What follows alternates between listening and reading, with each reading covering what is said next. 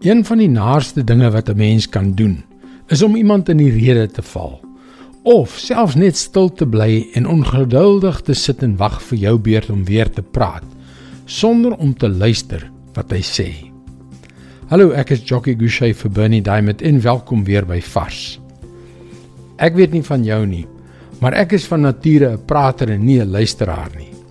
Ek dink dis hoekom ek doen wat ek doen. Ek vind dit baie maklik om idees in woorde om te sit. Dis iets wat vir my moeiteloos is. Maar die kwesbare deel van daardie gawe is die begeerte om altyd te praat en nooit te luister nie. Ek moes leer en steeds aanhou leer om stil te bly en regtig na mense te luister met die doel om te verstaan wat hulle standpunt is en wat hulle regtig sê. Kyk wat staan in Spreuke 18 vers 13. Wie antwoord voor hy die vraag gehoor het, is dwaas en kom in die skande. Dis nou 'n ware stuk goddelike wysheid. Ons maak 'n gek van onsself wanneer ons mense oordeel en antwoord sonder om te luister. Daar word gesê dat luister die kuns is om oordeel in nuuskierigheid te verander. Dis baie waar. Ek dink die probleem is dikwels dat ons nie regtig belangstel nie in die ander persoon of wat hy dink nie. Maar wanneer ons wel in hulle belangstel, wanneer ons regtig wil hoor wat hulle op die hart het, sien ons die persoon in 'n ander lig.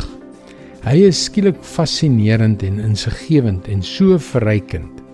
Die kuns lê daarin om lank genoeg stil te bly om hulle te hoor praat en na hulle te luister met 'n gesindheid van nuuskierigheid eerder as van oordeel.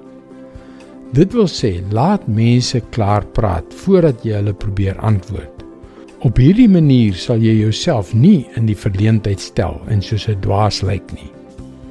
Dit is God se woord, vars vir jou vandag.